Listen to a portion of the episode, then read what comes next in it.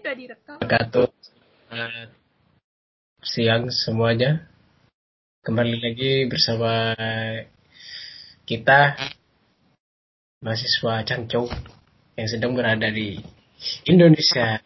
Sekarang ini dikarenakan daring kita kedatangan tamu yang sangat spesial. Perkenalkan dirimu. Siapa namanya?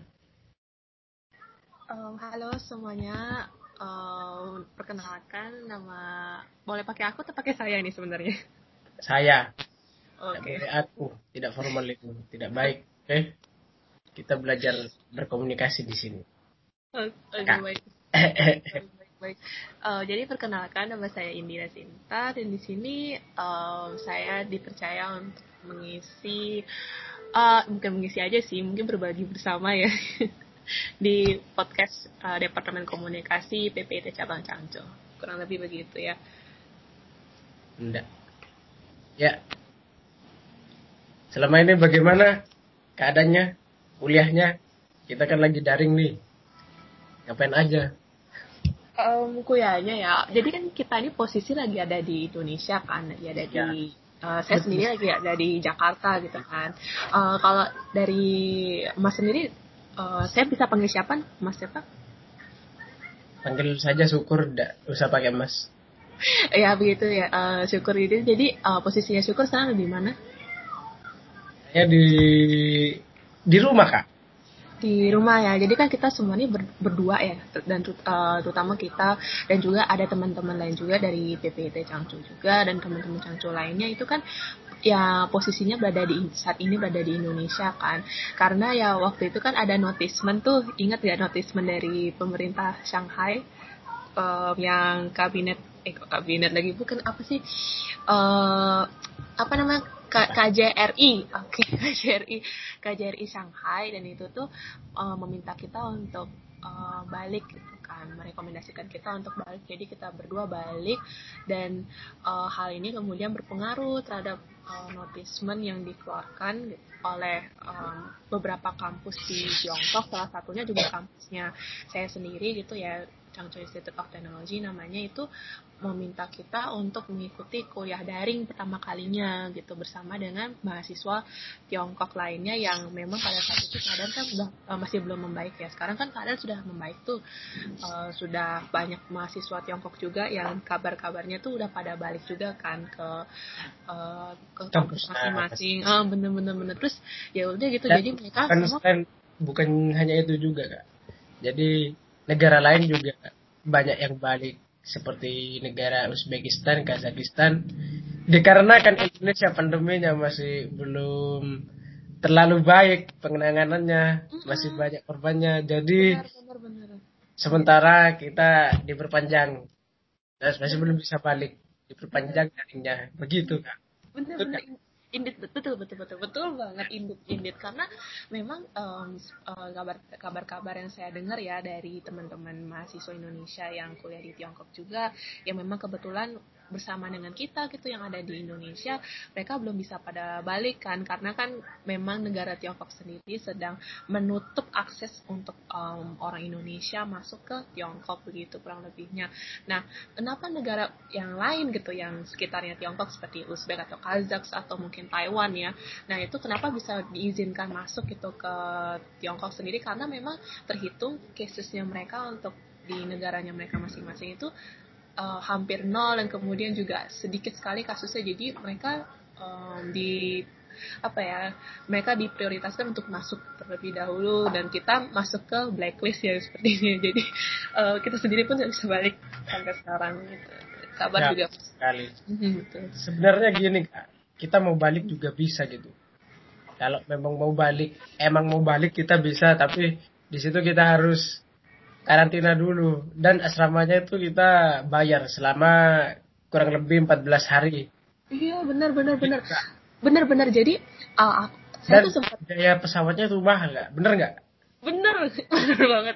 Jadi tuh saya sempat dapat kabar juga kan uh, bener banget yang apa yang dikatain uh, syukur sendiri. Jadi tuh um, biaya kita untuk mau balik ke Tiongkok itu juga nggak sedikit gitu. Karena yang saya dengar-dengar tuh pesawat bisa hampir 40 juta pertama.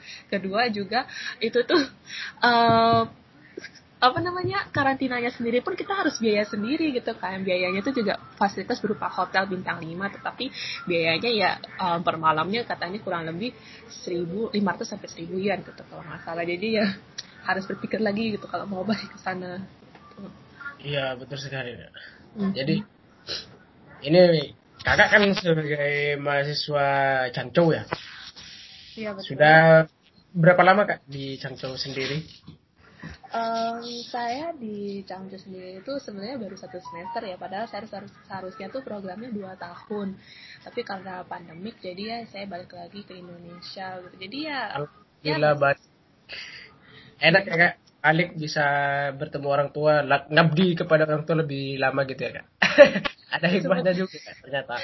Nggak ada nggak ada hikmahnya juga sih sebenarnya. Karena hmm. saya sendiri pun juga bosan di sini saya juga uh, apa ya ya karena ini juga sih karena pandemi kan nggak bisa keluar juga terhitung saya apalagi di Jakarta kan. Jakarta apalagi lagi PSBB kan di sini jadi ya, ya sama aja gitu.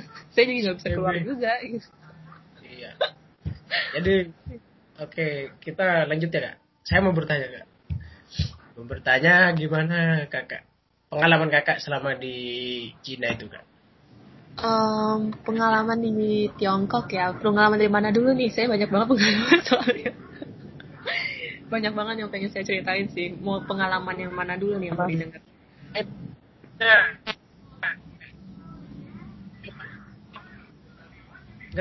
Pertama kali ke Cina. Oke, pengalaman pertama kali sampai di Tiongkok ya. Jadi itu saya uh, kenapa bisa kuliah di Changzhou ya di Tiongkok sendiri itu eh, nggak uh, nggak lain dari karena saya memang dipercaya oleh dosen kan. Saya dipercaya dosen untuk uh, mewakili Universitas Brawijaya di Malang. Itu kampus saya sebelumnya di ya di Malang kalau kalian tahu Brawijaya. Nah nah kemudian itu um, saya dipercaya gitu Indira kamu mau isi um, beasiswa uh, Changzhou Institute of Technology yang bekerja sama dengan kami gitu. Oh ya for information saya jurusan sastra Cina ya. Dan jadi apa namanya karena itu um, saya dipercaya karena saya nggak tahu ya kenapa saya dipercaya juga gitu. Tapi itu merupakan apa ya suatu um, apa ya, kebanggaan tersendiri juga buat saya sendiri kan karena saya dari dulu memang pengen kuliah di Tiongkok juga. Saya pengen melanjutkan pendidikan di sana di negeri tirai bambu gitu kan orang bilang. Um, kemudian juga saya berpikir ah tapi kuliah di sana juga sulit ya. Saya bahasa Mandarin juga masih belum terlalu bagus pada saat itu kan. Walaupun emang saya udah pernah belajar bahasa Mandarin dari TK terus dari SD juga gitu. Tapi kan tetap um, ya untuk kita kuliah untuk kita uh, pendidikan kan bahasa Mandarinnya harus lebih upgrade ya harus lebih bagus gitu kan. Nah tapi ternyata tuh di situ dosen mulai uh, mengajak saya untuk ikut beasiswa ini. Saya rasa mungkin ini memang udah saatnya uh, dan juga merupakan rezeki saya juga gitu kan untuk mengambil beasiswa ini gitu. Mengambil beasiswa ini oh ya udah deh ambil aja gitu kan. Saya ambil itu beasiswanya um, dan tapi itu saja ya kak pengalaman di Cina maksud saya pengalaman di Cina bukan proses kakak mau ke Cina oh ya, tapi kan saya pengen ceritain prosesnya dari awal banget kan sebenarnya. Nah, habis itu uh, kemudian tuh uh, saya udah ngambil beasiswa itu, tapi saya kan karena anak tahun 2018 kan, anak baru tahun pertama pada saat itu. Jadi banyak dosen yang oh, mungkin agak skeptis gitu sama saya kan ah, masa sih anak 2018 gitu bisa gitu berangkat kan? Karena kan uh, saya sendiri bahasa juga masih belum oke okay, gitu dan uh, akhirnya disuruh ngambil HSK 4 jadi dapat akhirnya sudah proses sana sini untuk keberangkatan dan lain-lain. Akhirnya saya bisa berangkat ke Tiongkok. Nah pas pertama kali saya berangkat ke Tiongkok itu saya udah sebelum mau sampai ke Tiongkok sendiri tuh saya udah berdoa kan. Saya berpikir aduh uh, mau nyampe negara baru nih gitu. Sebenarnya saya sebelumnya sudah pernah ke Tiongkok tapi bukan ke kota Changzhou saya ke Guilin ke Guangxi. Waktu itu ikut winter camp kan camp musim dingin di sana selama 10 hari. Terus abis itu ke Guangzhou belanja belanja di sana. Cuman um, saya tuh di kemudian saya pergi kemudian di nah habis itu saya akhirnya nyampe di Changzhou kan. Saya nyampe di Changzhou terus oh, oh gini ya oh, tapi bukan nyampe di Changzhou dulu sih saya nyampe di Shanghai. Itu saya udah langsung oh beda banget atmosfernya. Saya bener-bener akhirnya tuh lepas dari Indonesia saya beda eh, nggak uh, ada di saya ada di negara orang lain gitu maksudnya kan. Terus uh, waktu itu saya berdua tuh sama syukur sendiri kan berangkatnya ingat banget kan itu kita nyampe sana terus uh, bener-bener orang-orang semua di sana nggak ada yang ya rata-rata memang semua menggunakan bahasa Mandarin kan. Jadi di sanalah mulai kita apa ya mungkin fungsi pleko-nya mulai berfungsi gitu nih pas sampai di Shanghai sendiri gitu. Akhirnya ya udah bener-bener ini bener-bener ini aja sih beda sih. Karena kan kalau di Indonesia kita masih ketemu bahasa Inggris masih ketemu bahasa Indonesia. Tapi pada saat masuk ke Tiongkok sendiri tuh uh, memang benar sih kenapa kita harus ada HSK kenapa kita juga harus ada uh, standar bahasa Mandarin yang bagus. Karena memang pada saat kita masuk sana emang dunianya be sangat beda gitu kan dibandingkan Hmm. Iya benar-benar sih itu sih perasaannya ya deg-degan waktu itu kan karena ngerasa oh bahasa Mandarin kurang bagus uh, sih. Iya. Uh, iya. Waktu ke sana itu kakak lagi musim apa itu kak? Katanya kakak katanya dengar-dengar saya dari teman-teman itu kakak punya itu ya tidak kuat dingin katanya kalau dingin sesak nafas mungkin itu pesannya kakak pertama kali di sana ya Um, iya jadi waktu itu waktu saya kita nyampe di sana kan um, itu kan waktu itu masih musim eh masih musim panas ya kalau nggak salah ya. Tapi tuh yang saya uh, yang winter camp itu yang musim dingin itu tuh emang pas lagi musim dingin emang dingin sekali sih waktu itu. Sekitaran 2 derajat celcius cuma nih ada cumannya. Cumannya tuh uh, saya apa namanya cuman nggak bersalju gitu tapi dingin gitu. Hmm gitu. Iya sih uh, dingin sekali sih. Dingin sekali ya. Mm -mm coba kak apa menurut kakak itu hal apa yang paling menarik yang tidak ada di negara Indonesia? Dan hal apa yang kakak itu tidak suka dari negara Cina? Hal menarik apa yang ada di di Tiongkok kita atau di Indonesia? Ya, ya yang tidak ada di Indonesia. Yang menarik di Cina yang tidak ada di Indonesia itu. Hal menarik yang tidak ada di Indonesia gitu tapi saya bisa temukan di Tiongkok itu adalah um, pertama bagaimana orang-orangnya disiplin dengan waktu itu sih yang paling kerasa banget. Kenapa? Karena uh, yang saya lihat itu orang-orang benar-benar bergerak tepat waktu gitu. Misalkan contoh contoh kecil gitu ya saya uh, berangkat sekolah gitu ya jam bis gitu jam keberangkatan bis tuh sudah sudah pas banget ke itu gitu kalau telat pun paling cuma telat dua menit atau berapa menit gitu nggak sampai lima menit telatnya gitu. Dan ya. apa namanya bener gak sih gitu kan? Kalau di sana kan orang-orang pada tepat waktu juga kan mana-mana terus juga dari bis juga udah tepat waktu kereta MRT tepat waktu juga TC ya kan. Terus juga uh, waktu saya kuliah juga itu bener-bener jam 8 tank pas dosen sudah masuk mahasiswa udah ready semua buku semua sudah ready PPT juga semua udah ready semua. Jadi tinggal udah tinggal belajar aja gitu. Nah itu hal yang nggak nggak saya temukan di Indonesia kalau di meanwhile ya. Sementara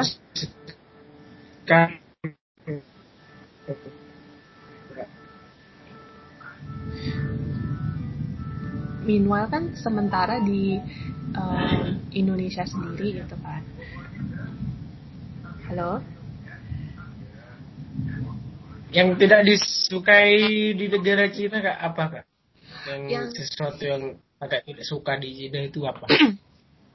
oh, oh tadi koneksinya itu agak error sedikit. apa-apa udah maklum di Indonesia sendiri ya. Kalau Oh gitu. Nasibmu ya. Ada aja ya.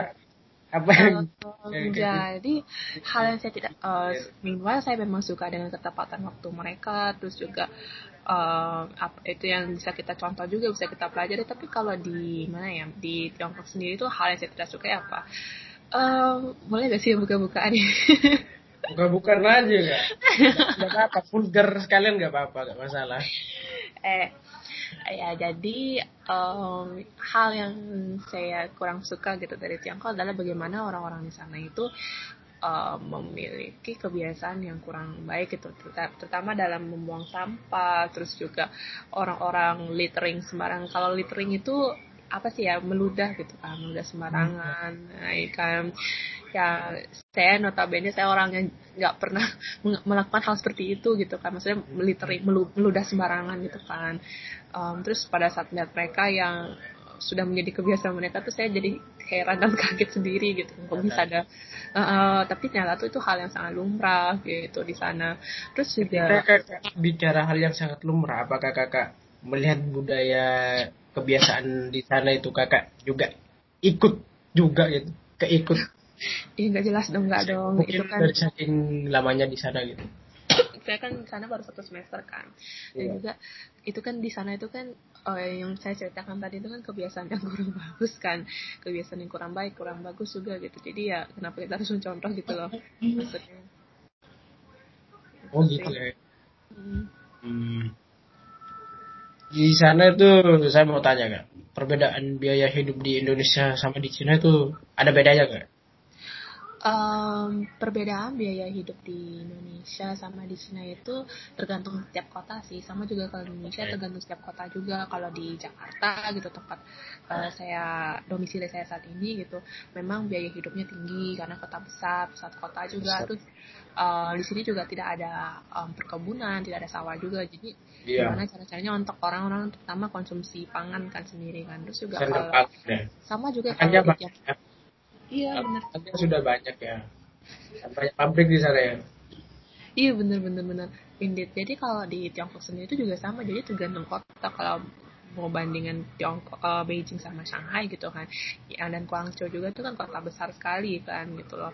Jadi emang pasti biaya hidupnya mahal tapi kalau di kota saya sendiri itu kebetulan dapat biaya hidup yang murah terus juga uh, kotanya juga sepi gitu jadi saya iya. uh, ini apa namanya terbantu juga gitu dengan biaya hidup di biaya hidup juga karena kan kita biaya hidup provide sendiri kan di Changzhou sendiri nah itu tuh paling saya cuma ngabisin 500 gitu sampai 1000 yuan per bulan untuk um, biaya hidup di Changzhou itu udah makan udah uh, karena kita masak juga kan ya di uh, Changzhou sendiri Oh, kakak masak ya?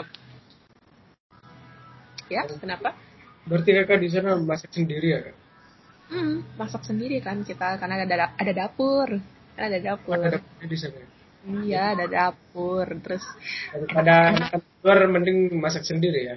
Mungkin lebih murah ya benar benar benar karena kalau kita masak di karena kita kalau beli makan gitu ya di luar terus kan bosen juga kan terus juga pastinya kurang sehat juga kalau kita masak sendiri kan makanan udah pasti terjamin bersih sehat terus juga kita juga lebih menghemat ya. jajan gitu ya, ya walaupun capek sedikit lah untuk masak tapi kan nggak masalah. hmm, hmm, gitu. Sesuatu yang menonjol dari Cina itu yang kayak ketahui. Apanya tuh kak? Sesuatu yang menonjol dari Tiongkok yang oh, saya ketahui gitu ya. Atau penduduknya gitu.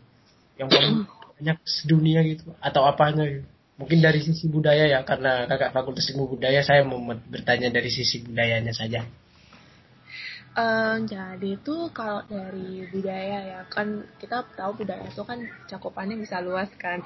Budaya itu bisa uh, mungkin dalam bentuk tarian mungkin juga bisa dalam bentuk nyanyian juga atau juga mungkin lagu musik terus juga nggak tapi nggak cuma budaya itu tapi ada budaya yang um, budaya kerja terus juga budaya gimana orang-orang berperilaku terus juga um, berkomunikasi dengan sesama itu kan juga termasuk yang paling menonjol ya yang paling menonjol itu di sana itu ada itu sih yang paling itu ya budaya mungkin karena negara maju juga.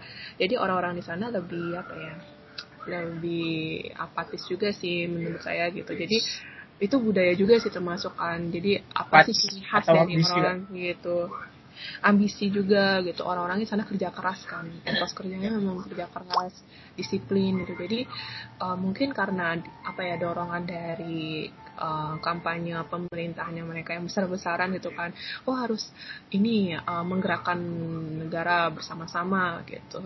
Apa namanya bekerja keras membangun negara gitu kan. Jadi orang-orangnya juga uh, masyarakatnya rakyatnya juga ikut ya itu ikut bekerja keras juga gitu sih. Untuk budaya yang paling menonjol ya itu kurang lebih. Dan juga di Tiongkok sendiri itu budayanya juga nggak jauh beda dengan keberagamannya mereka tuh nggak jauh beda dengan keberagaman kita. Kalau kita kan mungkin lebih beragam lagi ya lebih banyak lagi karena kita kan juga ada etnis Tionghoa juga ada etnis yeah. um, Melayu ada etnis Arab juga terus ada etnis yang lain-lain lah yang pendatang gitu kan. Bukan pendatang juga sih tapi ya begitulah saya bisa bilang kan. Tapi kalau misalkan di Tiongkok sendiri itu ke, mereka pun juga ada keberagaman gitu di setiap daerahnya gitu.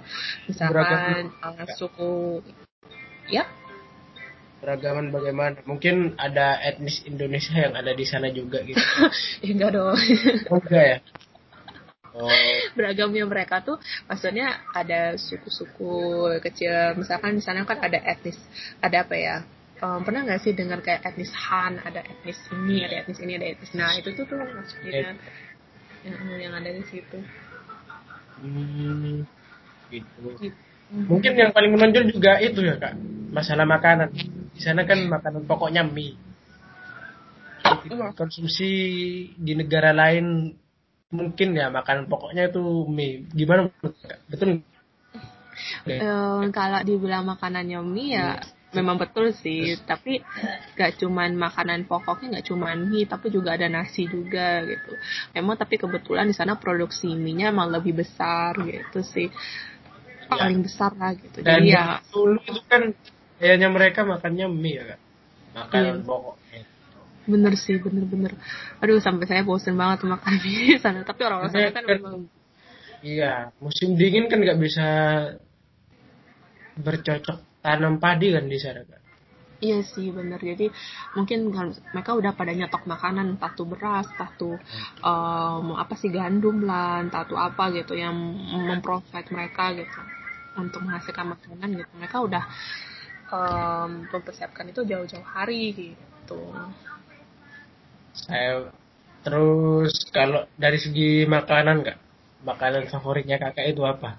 Dan makanan aneh yang pernah kakak makan itu apa sih di sana itu? Um, aduh, kalau makanan favorit itu banyak kali sih sebenarnya makanan favorit. Karena rata-rata makanan Tiongkok kebetulan emang cocok di lidah saya juga kan. Kayak misalkan karena kan agak jauh beda kan makanan Tiongkok dengan makanan kita yang memang karena makanan kita tuh pengaruh dari pendatang dari negeri Tiongkok kan gitu. Maksudnya kayak nasi goreng kayak mie goreng gitu kayak kue tiaw kan gak jauh beda ya. Tapi ada satu makanan gitu ya.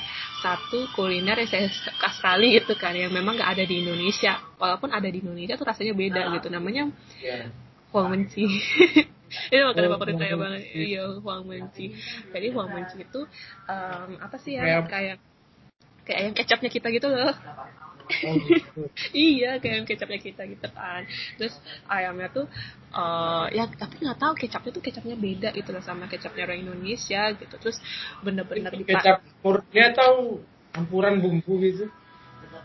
Jadi ada bumbu-bumbunya khas mereka, rempah-rempahnya mereka, tapi yang saya rasa tuh mereka lebih mencampur ada suatu kecap khusus gitu loh yang yang nggak ada di Indonesia sendiri gitu.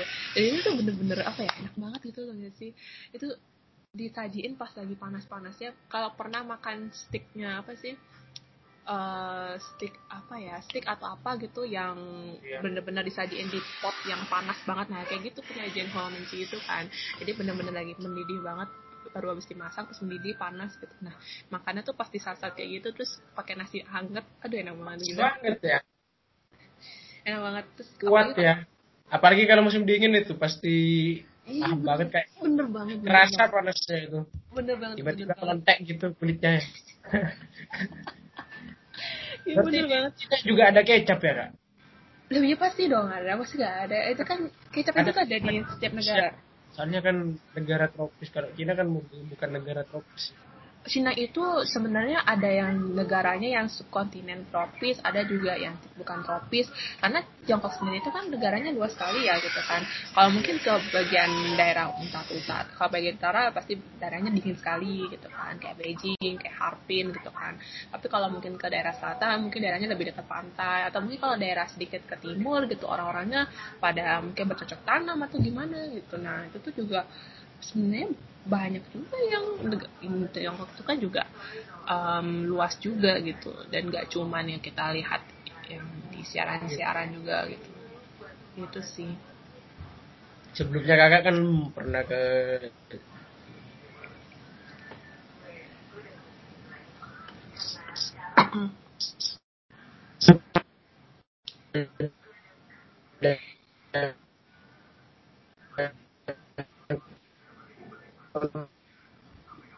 jauh dari kota sebelumnya. Halo, halo, ya, um, coba beda boleh diulangi lagi ya, emang ada gangguan sinyal juga di sini.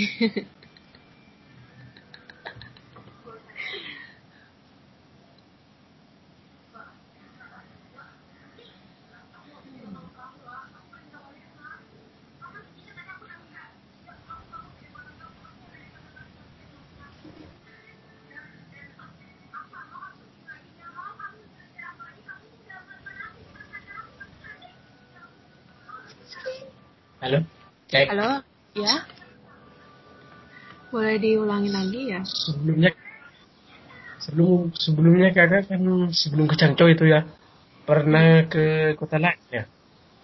Bagaimana perbedaan kota Cangco dibandingkan kota lain yang pernah kakak kunjungi sebelumnya itu? Bagaimana perbedaannya? Oke, jadi kan tadi dari ya universal lah jawabannya.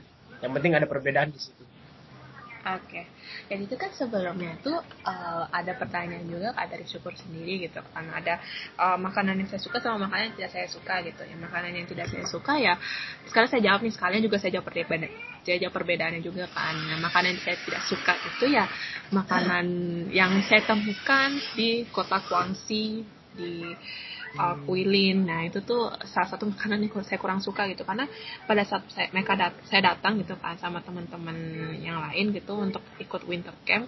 Nah, mereka tuh kan sudah menyajikan makanan ini untuk pembuka, maksudnya makanan untuk acara pembukaan. Nah, pada malam hari itu waktu itu, nah saya ingat banget itu. Nah, terus itu mereka menyajikan makanan macam-macam ada um, rebus-rebusan daging, terus juga sayur tumis dan lain-lain. Ya, saya senang sih karena makanannya kelihatan fresh, terus juga kayaknya sehat semua gitu karena bener-bener uh, nggak ya bener-bener fresh lah. Cuman tuh ya saya pikirkan tuh apa? Ya saya pikirkan tuh kok makanannya rasanya bener-bener nyengat gitu loh. Maksudnya ada yang ada yang berminyak sekali, ada yang kuah kaldu ayam itu bener-bener literally kaldu ayam itu yang saya kurang suka gitu. Jadi saya minum kaldu itu kayak minum uh, rebusan rebusan ayamnya langsung gitu yang lagi dimasak sama ibu saya gitu. Jadi apa ya? Jadi aneh gitu. Karena kan di Indonesia sendiri enak ya Iya. mungkin enak ya bener enak banget. Nah, eh, mungkin situ sih perbedaannya dan kalau di Guangxi sendiri tuh juga saya kan udah berkunjung empat kota selama saya di Tiongkok gitu kan. Pertama saya dan berkunjung ke Guangxi, terus juga eh, saya berkunjung ke Guangzhou, terus habis itu saya ke Nanjing, terus saya habis itu di kota saya sendiri di Changzhou.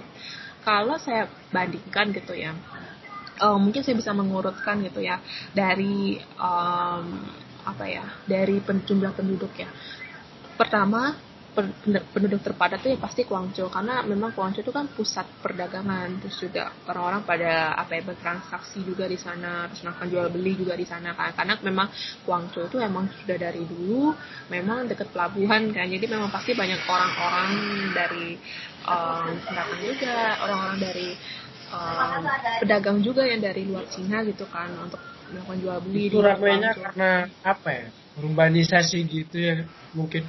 Um, bukan bukan. Saya- dari um, um, mungkin karena juga ada perpindahan penduduk ya karena kan memang dekat dengan tempat orang berdagang kan. Jadi mungkin banyak penduduk itu yang pindah ke Guangzhou sendiri gitu. Tapi kalau uh, itu sih yang kurang lebihnya lah dari tentang Guangzhou. Terus juga kedua itu ada kota Nanjing ya yang terpadat ya. Karena Nanjing sendiri itu bisa dibilang kota yang lumayan besar gitu dan juga lumayan banyak penduduk. Dan Indon kan pen- penduduk Indonesia juga banyak juga kan di kota Nanjing kan gitu. Ya nggak sih? Banyak banget banyak banget eh, di kota di kota Nanjing orang-orang Indonesia. Nah itu juga eh, termasuk padat juga. Nah dibantu dibandingkan sama tetangganya gitu Changzhou tuh Changzhou tuh masih kurang rame menurut saya. Tapi dia di urutan ketiga sih menurut saya. Karena Changzhou sendiri itu kota kecil banget. Dan memang eh, bahkan saya pernah nanya sama orang Tiongkok sendiri pun salah satu orang Tiongkok gitu ya mereka juga kurang tahu gitu Changzhou di mana. Dan itu nggak cuma satu dua orang yang uh, bertanya-tanya gitu. Bahkan uh, ada banyak orang-orang Tiongkok di luar sana gitu um, mempertanyakannya Changzhou di mana ya gitu. Kok saya baru dengar gitu. Mungkin karena emang kotanya sangat kecil kan gitu. Jadi tapi untuk ukuran penduduk masih lumayan karena memang ada satu kota lagi yang menurut saya tuh lebih kecil gitu. Itu kota Guangxi sendiri memang dikelilingi um, ini sih apa sih bukit-bukit itu loh. Jadi uh, memang Guangxi kan terkenal dengan bukitnya kan, bukit-bukit indah gitu kan. Terus sungainya, sungai buatannya yang bagus banget itu kan, yang sering jadi pembicaraan netizen gitulah. Yang sempat viral juga ada videonya uh, nelayan uh, cara mereka nelayan mereka yang punya ciri khusus gitu loh cara khusus untuk menangkap ikan yaitu dengan membawa mau apa sih? Bawa melihara burung gitu. Mereka udah melihara burung khusus gitu burung penangkap ikan memang burung yang suka makan ikan gitu. Nah habis itu mereka pelihara itu mereka besarin itu. Nah habis itu mereka dilatih untuk menangkap ikan di sungai. Nah itu itu ciri khas dari iya ciri khas kota Kuang, Kuilin di situ. Nah uh, mungkin karena daerahnya masih kecil jadi ya orang-orangnya juga masih istilahnya masih remote gitu, masih apa sih belum terpengaruh dengan belum banyak terpengaruh. Tapi um, Guangxi itu dan Kuilin sendiri itu emang salah satu pariwisata yang lumayan bagus emang emang sering diangkat-angkat gitu loh. Sering diomongkan sering dibicarakan oleh uh, pemerintah Tiongkok sendiri terus juga dipromosikan juga gitu keluar mungkin karena bagus ya emang bagus banget emang bagus banget emang bagus situsnya banyak kami dengan modernisasi gitu ya kak Mungkin. Iya benar dibandingkan dengan Guangzhou, Kuil, eh, Guangzhou, Chang, Changzhou sama Nanjing, saya lebih suka Guangxi sih sebenarnya untuk uh, sisi dari apanya ya, mungkin sisi dari tenangnya. Soalnya Guangxi banyak ininya, adem, oh, uh, adem. Airnya ya. Iya benar. Terus citra Cina di mata dunia itu yang kakak ketahui bagaimana kak? Sorry ya, agak dalam pertanyaannya. Oh, agak gak apa-apa. Nah, di mata dunia gimana? Gak apa-apa sih. Jadi itu kalau di Tiongkok sendiri ya, ya cit, uh, tentang Tiongkok ya, sebenarnya kan saat ini mungkin karena lagi masa pandemi juga gitu. Jadi banyak sekali gitu loh berita miring tentang Tiongkok banyak berita miring juga karena apalagi ada uh, isu tanda kutip gitu kan. Um, camp konsentrasi Uighur kan. Yang itu tuh juga menjadi pembicaraan ini juga pembicaraan masyarakat internasional juga gitu. Di mana uh, masyarakat di Uighur sendiri itu memang apa ya memang banyak di apa ya banyak diberitakan mengalami penindasan terus juga uh, banyak mengalami kejadian yang kurang bagus gitu.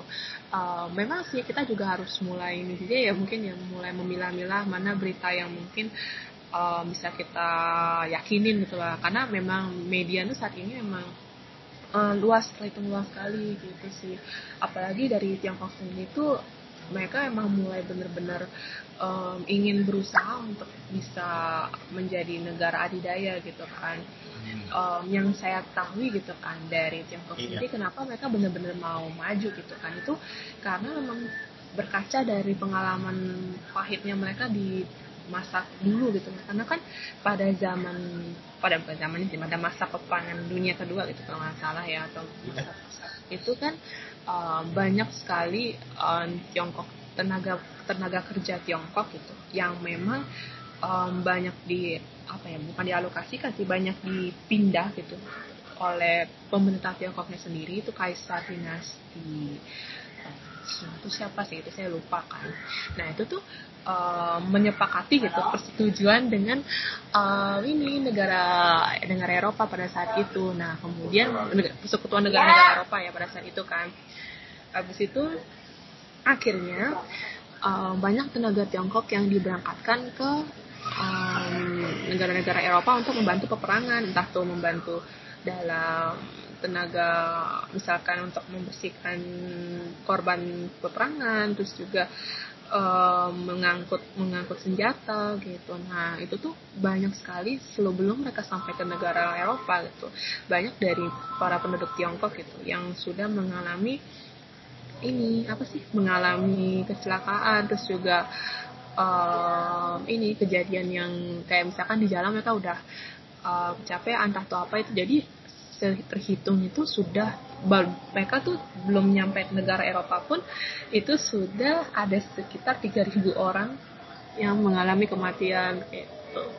Jadinya ya uh, dan juga di sana banyak ini ya banyak rasisme juga dengan penduduk Tiongkok sendiri yang memang didatangkan ke sana. Maka kan karena mereka terhitung tenaga kerja kasar kan.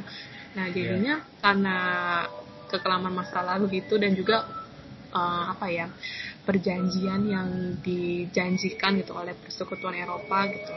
Kecuali kecuali Rusia ya kecuali Rusia ya.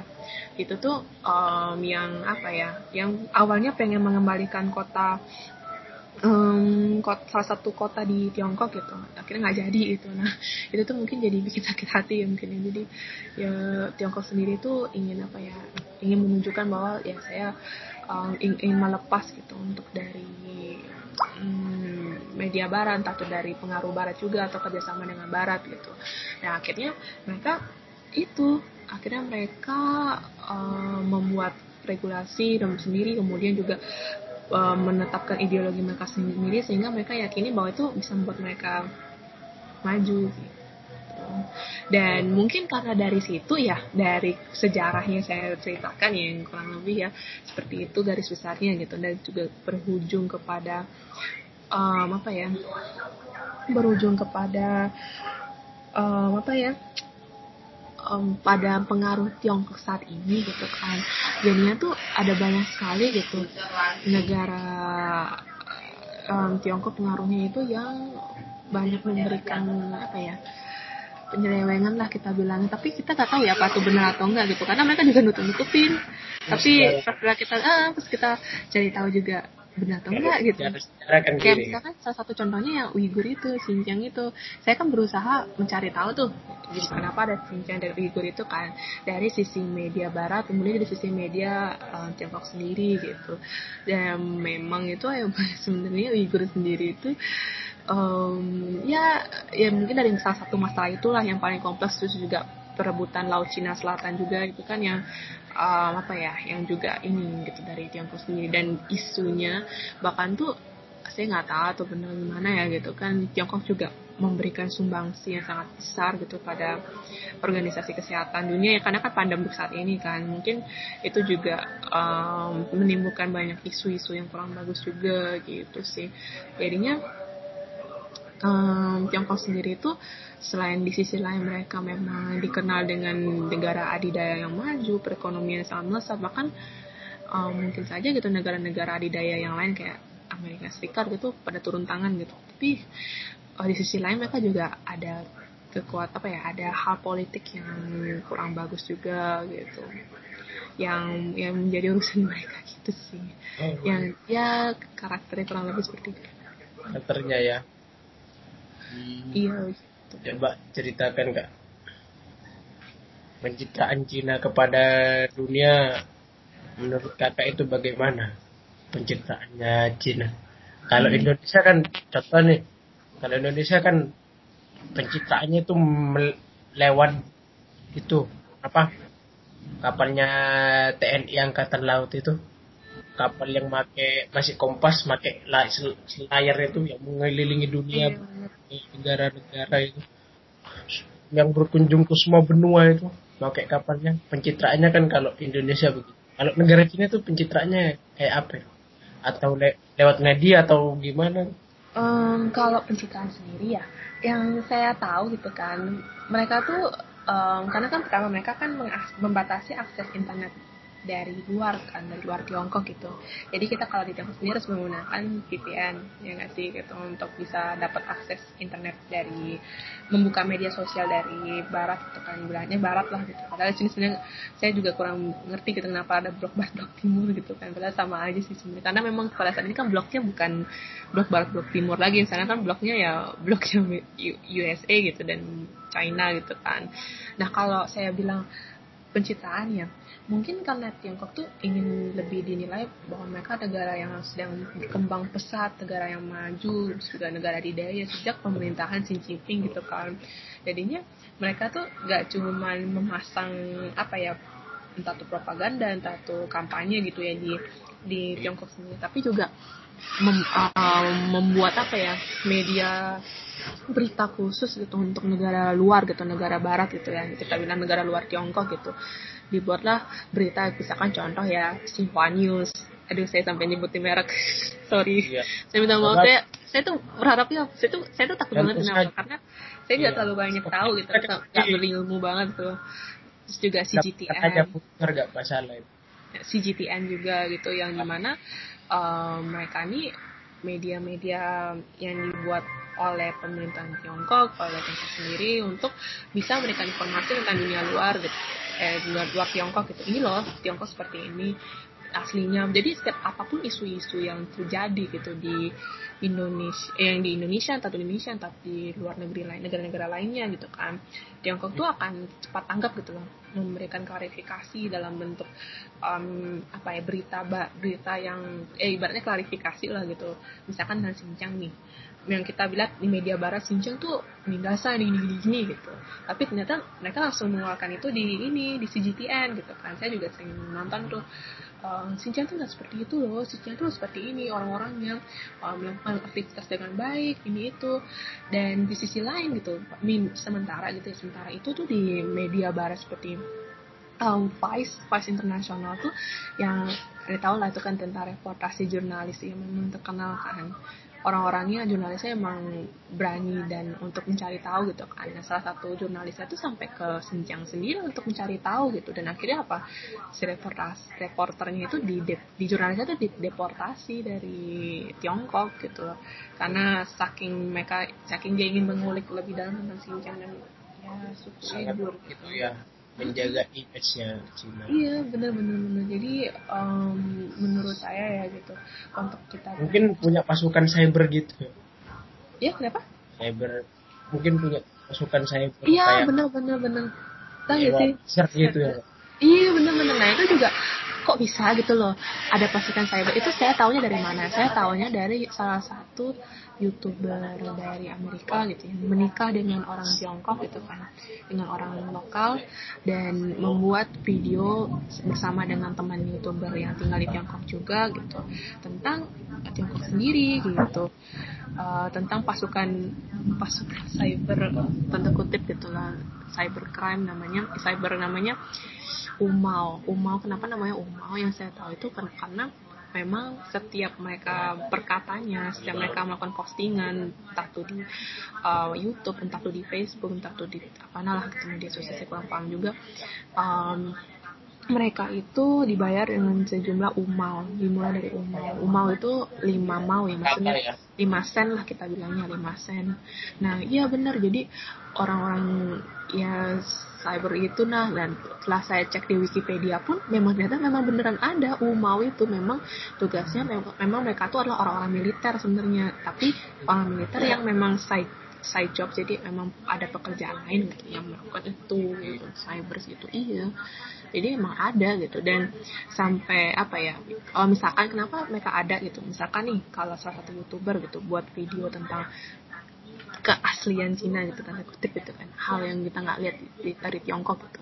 Terus mereka tuh akan komentar misalkan uh, salah satunya gitu ya apaan sih kamu ngomong-ngomong kayak gitu?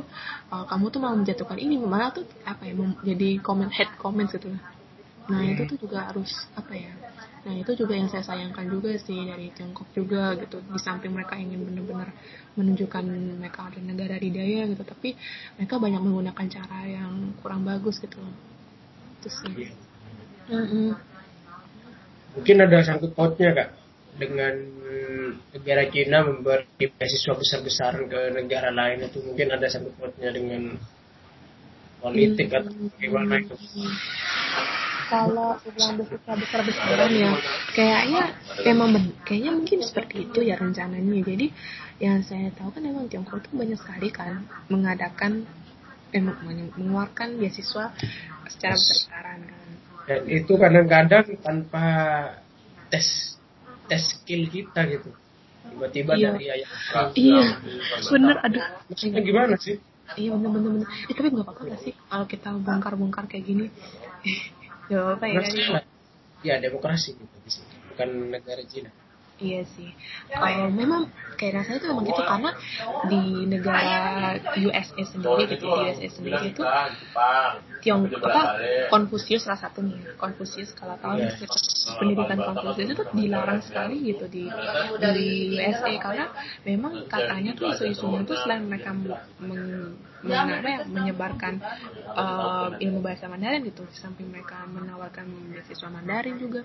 Tapi mereka tuh juga sedikit demi sedikit menyebarkan paham Konfusius gitu. Oh. itu isu-isunya kayak gitu. Ada di pelajaran yang kakak pelajari itu mungkin masuk gitu.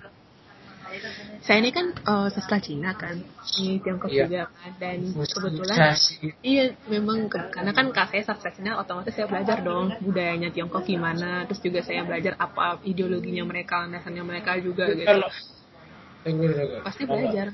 Kalau pemahaman Konfusius sendiri kan lebih ke demokrasi Konfusius Um, kalau Konfusius itu sebenarnya bukan lebih ke demokrasi juga sih ya kalau menurut saya. Karena kalau Konfusius itu sebenarnya adalah suatu ini ya apa sih pemikiran ya namanya ya? Iya, pemikirannya lebih demokrasi tidak lebih apa ya apa harus satu jalan gitu kan tidak. Konfusius itu kan lebih memberi banyak jalan gitu. Um, untuk untuk untuk Tiongkok iya untuk Tiongkok iya. Tapi kalau untuk negara-negara lain itu mungkin enggak sih. Ada ada yang itu saya, yang saya bingung itu bisa gitu ya. Pemerintahan komunis kan sama Konfusius sendiri pemahamannya kontradiksi. Tapi kalau seandainya mau mengadakan konfusiusasi itu kontradiksi sama partainya sendiri Hmm, iya, jadi itu nah itu itu itu itu, itu ininya uniknya uniknya Tiongkok di sini. Strata. Kalau Konfusius kan tidak mengenal strata itu. Iya benar. Uniknya uniknya Tiongkok tuh di situ. Uniknya Tiongkok bener bener bener bener. Aku juga nyadar juga itu di situ.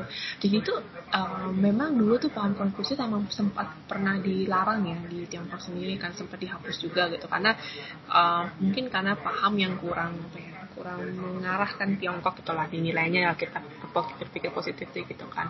Tapi itu sebenarnya tuh di Tiongkok sendiri tuh kalau kita bilang dia mereka uh, landasan komunis ya landasan komunis secara politik gitu. Tapi kalau secara mereka mengadakan ekonomi secara mereka um, apa ya secara mereka berekonomi gitu lah mereka tuh bukan bukan komunis ya guys sih gitu. Mereka kan itu sebenarnya. Apa? Kapitalis kan gitu loh. Itu lucunya. Nah kenapa kenapa bisa seperti itu ya? Dari saya tahu yang saya baca juga uh, memang presiden Xi Jinping sendiri gitu um, mengapa ya merekonstruksi, merekonstruksi ulang tentang partainya komunis di Cina terus juga tentang um, sistem landasan sendiri di Tiongkok juga terus juga paham-paham yang lain juga yang masuk ke Tiongkok itu juga mereka direkonstruksi ulang gitu sama Xi Jinping sendiri. Jadi uh, bisa mereka akan tetap menjalankan ideologi komunis tapi tidak benar-benar komunis gitu maksudnya jadi itu udah direkonstruksi ulang memang oleh Xi Jinping sendiri dan beserta jajarannya lain gitu. Kenapa mereka memilih komunis juga ya hmm, kalau yang saya tahu gitu. Karena itu um, dari mana negara terdekatnya mereka Rusia. Itu kita mereka juga mengadakan uh, mengadakan apa namanya mengadakan eh apa bekerja sama dengan memiliki hubungan yang baik sekali dengan Tiongkok. Karena cuma negara satu-satunya mereka doang yang tidak uh, melakukan perjanjian apa yang apa ya yang memang merebut salah satu kota dari Tiongkok gitu. Tapi tidak um, apa ya tidak mencel inilah tidak merugikan Tiongkok lah gitu maksudnya. Memang dikembalikan secara baik-baik juga. Nah karena dengan mengambil hati seperti itu gitu loh. Nah Tiongkok tuh jadi tergerak gitu pemerintah Tiongkok pada saat itu untuk belajar lebih dalam tentang komunisme gitu. Salah satu pahamnya mereka ideologinya mereka gitu. Belajar komunisme akhirnya banyak ilmu komunisme komunisme dari Rusia sendiri itu ditransfer ke Tiongkok di apa namanya diterjemahkan di, di diajarkan ke mas ke generasi generasi baru dan lain sebagainya gitu sih. Eh, sih saya tahu lah. Uh -uh, lebih. Itu. Masukan juga Cina itu bangunan Cina kita kan tanya yang sangat besar gitu ya. Bangunannya sangat besar sekali. Hmm. mereka menanam beton lah. Bahasa kasar gitu. Semua di paving di aspal. Iya benar sih. Kan apa SD apa sumber daya alam kita itu alam Cina itu kan berkurang gitu dan penduduknya itu sangat banyak sekali. Itu untuk menunjang keberlangsungan hidup sendiri itu mereka mengambil dari mana ya? Kayak sumber daya alamnya itu. Uh, jadi mungkin ini juga menjawab juga ya kenapa kita bertanya lagi kenapa sih Tiongkok ada pandemi kenapa sih ada pandemi coronavirus itu COVID-19 itu kenapa bisa ada kayak gini juga? Nah itu mungkin saya um, apa ya mungkin saya bisa berbagi lah gitu. Karena sebetulnya saya juga uh, ada tahu lah gitu. Nah dari itu kan Tiongkok itu kan penduduk terpadat di dunia. Sekitaran 1,2 miliar penduduk di satu negara yang se uh, se ya nggak sebesar juga sih. Tapi ya sebesar itulah maksudnya. Nah habis itu tuh um, karena konsumsi konsumsi penduduknya juga yang pasti besar kan karena kan kalau udah penduduk banyak pasti konsumsinya juga tinggi dong. Ya nggak sih? Yes. jadinya tuh banyak banget produksi makanan, produksi pangan itu memang datang dari produksi makanan itu datang dari negara luar gitu, dari negara-negara sekitarnya, dari ekspor, dari ya impor lah, impor makanan dari luar juga pangan salah satunya ada kebiasaan penduduk Tiongkok juga yang misalkan makan makanan hewan yang Eh, tanda kutip gitu ya yang tidak yes. tidak eh, yang kurang kurang mungkin ya, ya yang kita bilang tuh kurang layak lah gitu. Tapi bagi mereka itu termasuk budayanya mereka. Misalkan misalkan terenggiling mereka ada salah satu kota juga penduduk yang makan terenggiling ada terus juga makan, gitu ya, iya makan hewan-hewan yang mungkin karena konsumsi Tiongkok yang sangat besar gitu yang sangat tinggi. Jadi iya. banyak apa ya ya harus mencari cara lah gitu. Um, mungkin ada daging lain yang bisa dimakan gitu mungkin ya apa pun halal gitu ya pada akhirnya. Ya kan kita kan kalau asalkan jangan daging manusia aja yang dikonsumsi. Uh, itu saya nggak tahu itu itu kan bisa mungkin saja terjadi kan bagi negara maju juga kan. Jadi ya ada saja hal-hal seperti itu gitu. Nah, habis itu um, akhirnya kan udah mereka mengkonsumsi mempunyai budaya untuk konsumsi suatu um, spesies tertentu gitu kan. Misalkan yang terenggiling itu sendiri gitu kan. Yang salah satunya itu ada di kota Wuhan gitu. Nah sebelumnya sebelumnya itu tuh Tiongkok itu memang sudah kena virus ya, namanya virus SARS kalau nggak tahu atau apa. Nah itu juga karena bukan virus SARS aja karena sebelumnya juga ada virus juga. Nah itu tuh emang sudah emang sudah dari dulu dulu sekali gitu emang udah Tiongkok itu emang sering kali kena virus apa sering apa ya ada wabah virus itu karena emang konsumsi terutama dari konsumsi masyarakat gitu yang sangat besar gitu terhadap spesies tertentu ya kita nggak tahu spesies ini, ini udah membawa virus kan gitu loh. Udah membawa virus. Nah itu sempat diberhentikan oleh pemerintah Tiongkok untuk mengonsumsi hewan-hewan yang bukan hewan pangan gitu misalkan kayak sapi um, babi terus um, angsa ataupun ayam gitu kan nah tapi karena mungkin semakin tingginya lagi angka kelahiran di Tiongkok gitu ya jadinya tuh ya terbuka ini lagi regulasi itu ya diturunkan lagi gitu. Jadinya banyak konsumsi lagi untuk hewan-hewan seperti itu gitu. Nah pada akhirnya muncullah virus COVID-19 ini gitu. Karena ya um, mungkin juga susah juga sih mm, apa ya menetapkan regulasi untuk tidak untuk mengkonsumsi hewan-hewan tertentu karena kan kita bisa bilang konsumsi di Tiongkok kan sangat besar ya sangat besar gitu. Ya, konsumen makanan ya sangat besar. Terus yang kakak ketahui itu tentang jaminan hidup penduduk Cina itu bagaimana kak? maksudnya jaminan dari wayan sampai lansia itu ada perlakuan khusus Tadi apa sebelumnya lansia tuh itu kata apa itu? Saya baru. Lansia itu orang-orang yang sudah Oh sebelum tua. sebelumnya sebelumnya sebelumnya. Dari buayan dari kita hamil apakah disuruh bayar pajak buat masa depannya atau bagaimana gitu? Oke. Okay. Um, itu bagaimana? Jadi tuh kalau dulu kan um, sebelumnya Xi Jinping itu kan pemerintahnya Mao Zedong kan. Mao Zedong itu tuh sempat menetapkan regulasi untuk um, apa ya kelahiran satu anak saja dan itu anak uh, ini. mm -mm, dan terutama ya anak laki-laki. Memang karena pada saat itu kan dominasi laki-laki perannya laki-laki memang besar waktu itu di Tiongkok kan. Nah karena itu tuh kalau ada satu anak yang lahir itu biasanya anak itu harus membayar pajak gitu loh. Makanya um, untuk menurunkan angka kelahiran sih sebenarnya waktu itu niatnya ya. Yeah. tapi kan nggak um, pada seiringnya zaman seiringnya waktu berjalan gitu kan. Akhirnya dari pemerintah Tiongkok sendiri itu um, menghapus regulasi itu gitu untuk menghapus uh, untuk apa ya adanya satu anak saja cukup gitu. Makanya karena sudah iya kan karena udah banyak anak-anak um, yang generasi-generasi Z gitu ya generasi Z yang kan kalau generasi Z itu kan generasi yang 80-an 90-an ya. Nah itu tuh sudah memiliki anak yang entah tuh kalau di Toyin itu kan banyak banget video-videonya yang kembar tiga yang kembar dua yang anak ada dua tiga gitu lah. Nah itu mungkin lihat tuh mungkin regulasinya sudah ada gitu sudah peraturan gitu. satu anak itu udah dihapus uh -uh. sampai sekarang itu maksimal berapa sih? Um, sebenarnya ya, ada maksimal juga sih yang saya tahu ya tapi yang ketiga tahu gimana kayak di Indonesia jadi itu kalau mungkin yang anak istri mungkin, boleh jadi satu. Um, nggak ada sih kayaknya di Indonesia peraturan kayak gitu. Oh nggak ada ya? Kalau di sini bagaimana kak? Nah, nggak ada nggak ada nih syukur nih. Kalau di Tiongkok sendiri um, itu apa ya? Nggak ada sih sebenarnya regulasi misalkan harus dua anak ke satu anak gitu. Karena memang maksudnya ini dibatasi begitu KB itu ada nggak di Cina? Um, ada sih sepertinya tapi saya kurang paham juga ya kalau kayak gitu. Karena kan ya saya tahu tuh regulasinya regulasi satu anak aja tapi kalau untuk yang seperti itu kayak ada deh. Karena kan memang pada zaman modern kayak gini ya mungkin budaya juga semakin lebih kompleks juga dan orang-orang jadi lebih ada satu lebih, dengan budaya ya kak?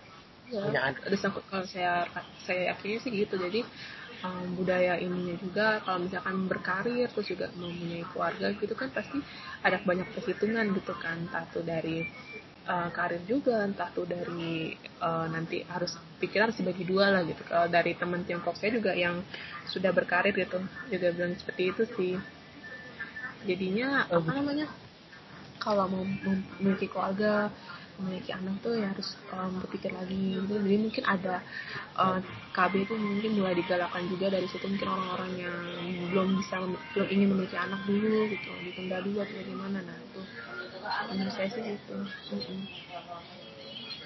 Harapan kita itu kan begini ya Indonesia dengan Cina itu hubungannya sangat baik gitu. Mm Saya ingin tahu dong bagaimana itu hubungan bilateralnya Cina dan Indonesia hubungan bilateralnya ya. Kalau hubungan bilateralnya um, itu mungkin juga Tiongkok sama Indonesia juga udah uh, ini banget ya. Udah bener-bener banyak banget melakukan kerjasama entah dalam ekonomi tapi dalam politik juga iya. Ekonominya ekonominya udah perdagangan udah banyak sekali ya. transaksi luar uh, antar negara gitu untuk uh, jual produk Indonesia terus ceritanya juga menjual produknya mereka gitu. Sama juga dengan budaya juga ya dari bahasa juga gitu. Jadi udah banyak beasiswa beasiswa dari pemerintah Tiongkok semakin banyak peluang beasiswa juga. Dari dari kampus tapi dari uh, ini juga dari pemerintah juga terus juga dari Konfusius juga gitu. Dan mungkin, mungkin yang dari mungkin dari, ya, karena Indonesia itu statusnya bebas aktif jadi apa saja boleh saja. Kecuali dari segi militer mungkin Indonesia itu batasi sekali bekerja sama gitu. seperti buat pangkalan militer negara kita itu kan tidak boleh kan kalau masalah pengiriman atau kita tahu segalanya budaya semuanya tuh saya kan soalnya kan kita indit indit indit. Bener bener jadi uh, apa namanya um, kalau dari segi militer ya saya juga kurang tahu juga sih. Tapi sedengar dengar saya gitu teknologi militer di uh, teknologi teknologi militer Tiongkok itu tuh masih kalah bagus dengan teknologi militernya orang Jerman terus juga dari USA juga itu masih agak sedikit kurang bagus lah gitu. Mungkin mereka masih ada peningkat masih mau ada meningkatkan gitulah Tiongkok sendiri. Yang saya dapat beritanya sih seperti itu salah satu ceritanya gitu. Jadi kalau kita dibilang mau maju gitu di bidang uh, militer bisa aja gitu. Kalau mau karena kan kita juga negara maritim kan negara kepulauan juga. Jadi pastinya uh, militer kita juga harus lebih dijaga nggak sih gitu untuk ketahanan militer stabilitas militer juga gitu. Jadi uh, menurut saya gitu lebih baik ya kita juga apa ya maju juga gitu untuk juga uh, memajukan militer Indonesia lebih baik gitu.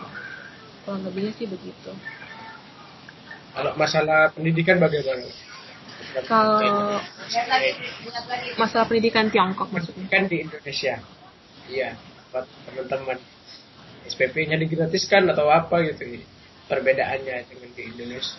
Kalau di Tiongkok itu ya yang saya excitednya dengan emang pendidikannya sih. Jadi pendidikan di Tiongkok itu mereka benar-benar uh, memang memajukan pendidikan benar-benar karena mungkin berka, mereka ingin berkaca ingin apa ya mencontoh dari pemerintah dinasti dulunya gitu salah satu dinasti yeah. yang di mana tuh untuk memilih pas um, ini sendiri anggota kerajaan sendiri terus menjadi penasihat raja uh, kaisar sekalipun itu harus melalui seleksi yang sangat ketat gitu dari tingkat uh, desa, terus kota, terus naik ke kecamatan atau apa tuh, terus naik provinsi gitu. Nah itu tuh juga mungkin mencontoh dari situ. Nah makanya itu kenapa juga di Tiongkok itu pendidikan sangat digalakkan gitu loh. Galak, dari ya? iya jadi dan juga saya rasa tuh hampir gak hampir setiap orang juga tapi ada beberapa desa kecil juga yang mungkin belum dapat akses pendidikan yang bagus gitu. Tapi sudah banyak kota-kota gitu yang saya lihat anak-anak itu di setiap kota pun sudah dapat akses pendidikan gitu di setiap sekolahnya. Terus juga sekolah yang SMA dekat hmm, apa dekat kampus saya juga ya CIT itu kan juga ada asramanya juga kan memang. Jadi memang apa ya sekolah-sekolah di Tiongkok sendiri itu emang tertib gitu lah memang disiplin juga gitu kalau begini kak. Terakhir nih kak karena waktu kita sudah mepet ya. Iya sih sampai pegal mau tanya sih. Mau tanya. Iya menyapa komunis di mata Cina dan Indonesia menurut pandangan kakak bagaimana? Um, komunis di negara Tiongkok di mata saya gitu kan Uh, menurut saya ya memang yang sudah saya ceritakan sebelumnya kan tentang sejarahnya kenapa ada uh, landasan komunisme di Tiongkok sendiri gitu kan. Nah uh, menurut saya ya memang mungkin dengan adanya landasan komunisme itu mungkin memang yang yang terbaik gitu untuk memajukan negara mereka sendiri gitu kan karena kan mengingat bagaimana dulu dinastinya mereka sendiri um, sudah banyak mengalami kekacauan pada saat mulai ada um, ini orang-orang negara luar pemerintah negara luar Tiongkok itu yang sudah masuk terus pada apa ya membuat perjanjian yang menyeleweng terus juga banyak merugikan Tiongkok juga. Nah mungkin dengan adanya komunisme yang ditawarkan oleh Rusia yang nggak cuma ditawarkan tapi Rusia tapi mereka mau belajar banyak dari Rusia juga. Jadinya Tiongkok itu benar-benar apa ya ingin banget ingin sekali gitu untuk memajukan Tiongkok dengan landasan yang mereka sudah pilih gitu. Karena kan komunisme itu kan buat untuk yang komunisme mereka tuh beda loh. Kalau menurut saya tuh bukan kayak komunisme di Kuba bukan kayak komunisme di Vietnam terus juga komunisme terutama di Korea Utara sendiri gitu kan. Beda sekali karena komunisme di Tiongkok sendiri itu memang komunisme yang hanya diaplikasikan gitu. Menurut saya diaplikasikan di dunia pendidikan dunia politik gitu dunia sosial tapi selebihnya gitu untuk dirinya ekonomi dan lain-lain tuh mungkin lebih ke regulasi itu iya sih lebih ke regulasi.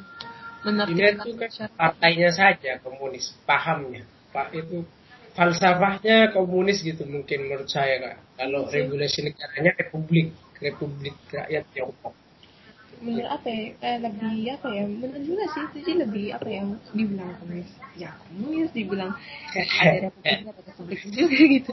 Dibilang kapitalis, kapitalis. Mungkin gini, gitu. republik, tapi di dalamnya ada komunis gitu mungkin. Hmm mungkin mesti ditanyakan sendiri ke si Cinti mungkin. Atau komunis di dalamnya dari publik. Mungkin jadi yang tahu. Karena oh, kalau di Indonesia sendiri bagaimana? Komunis di mata Indonesia. Uh, sebenarnya apa ya membicarakan um, ataupun menyebarkan sampai kita mengob, mengom, apa ya mengobroli tentang paham komunisme sendiri kan kalau di Indonesia itu kan memang sangat sensitif sensitif kan. Karena mengingat bagaimana um, Indonesia memang banyak mengambil langkah untuk um, menghapus beberapa paham komunis terutama dari sejarahnya G30 SPKI gitu kan. Nah jadinya ya benar-benar sensitif gitu bagaimana kita untuk membicarakan dan juga menyebarkan ya nggak nggak mungkin menyebarkan juga tapi membicarakan gitu lah paham komunisme di Indonesia gitu. Padahal ya yang um, saya harapkan gitu ya di Indonesia sendiri itu bisa lebih banyak lagi membicarakan paham komunisme gitu. Kenapa? Karena paham komunisme itu ada tetap tetap juga sebuah paham gitu loh. Tetap sebuah paham tetap juga sebuah sebuah ideologi gitu loh yang sebuah sebenarnya itu kita pelajari juga gitu loh. Karena ketakutan saja sih sebenarnya kalau menurut saya ya. Tanda kutip ketakutan gitu. Berkaca dari sejarah yang dulu juga gitu kan. Jadi nggak um, banyak cerita tentang komunisme gitu. Padahal harusnya lebih banyak lagi buku-buku tentang komunisme sehingga um, apa ya ada lebih banyak hal baru yang kita temukan gitu sih. Nggak cuma dari Tiongkok tapi juga dari hal yang kita temukan yang lain gitu loh. Itu sih. Oke. Oke terima kasih atas waktunya. Mungkin Oke. Okay.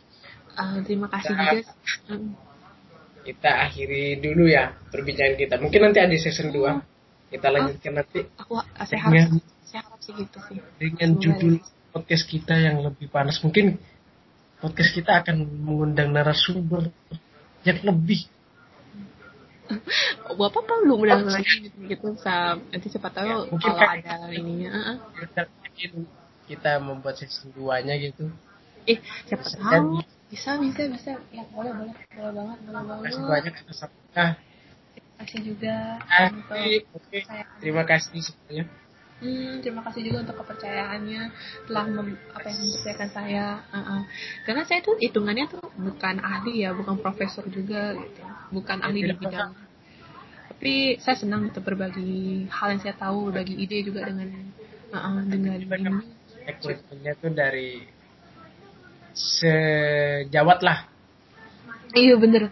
Kalau ngobrol sama sama gitu jadi lebih ini ya, lebih lepas ya. Gitu. Betul sekali okay. imajinasinya sangat liar. Jadi panas sekali podcast kita sekarang ini. Wah. Saking panasnya ya. Panasnya sumuk gitu ya. Gerah. Nggak tahu ini gerahnya kenapa ini ya. Untungnya saya pakai saya pakai as. Oh. siap. Oke terima kasih. Saya akhiri. Assalamualaikum warahmatullahi wabarakatuh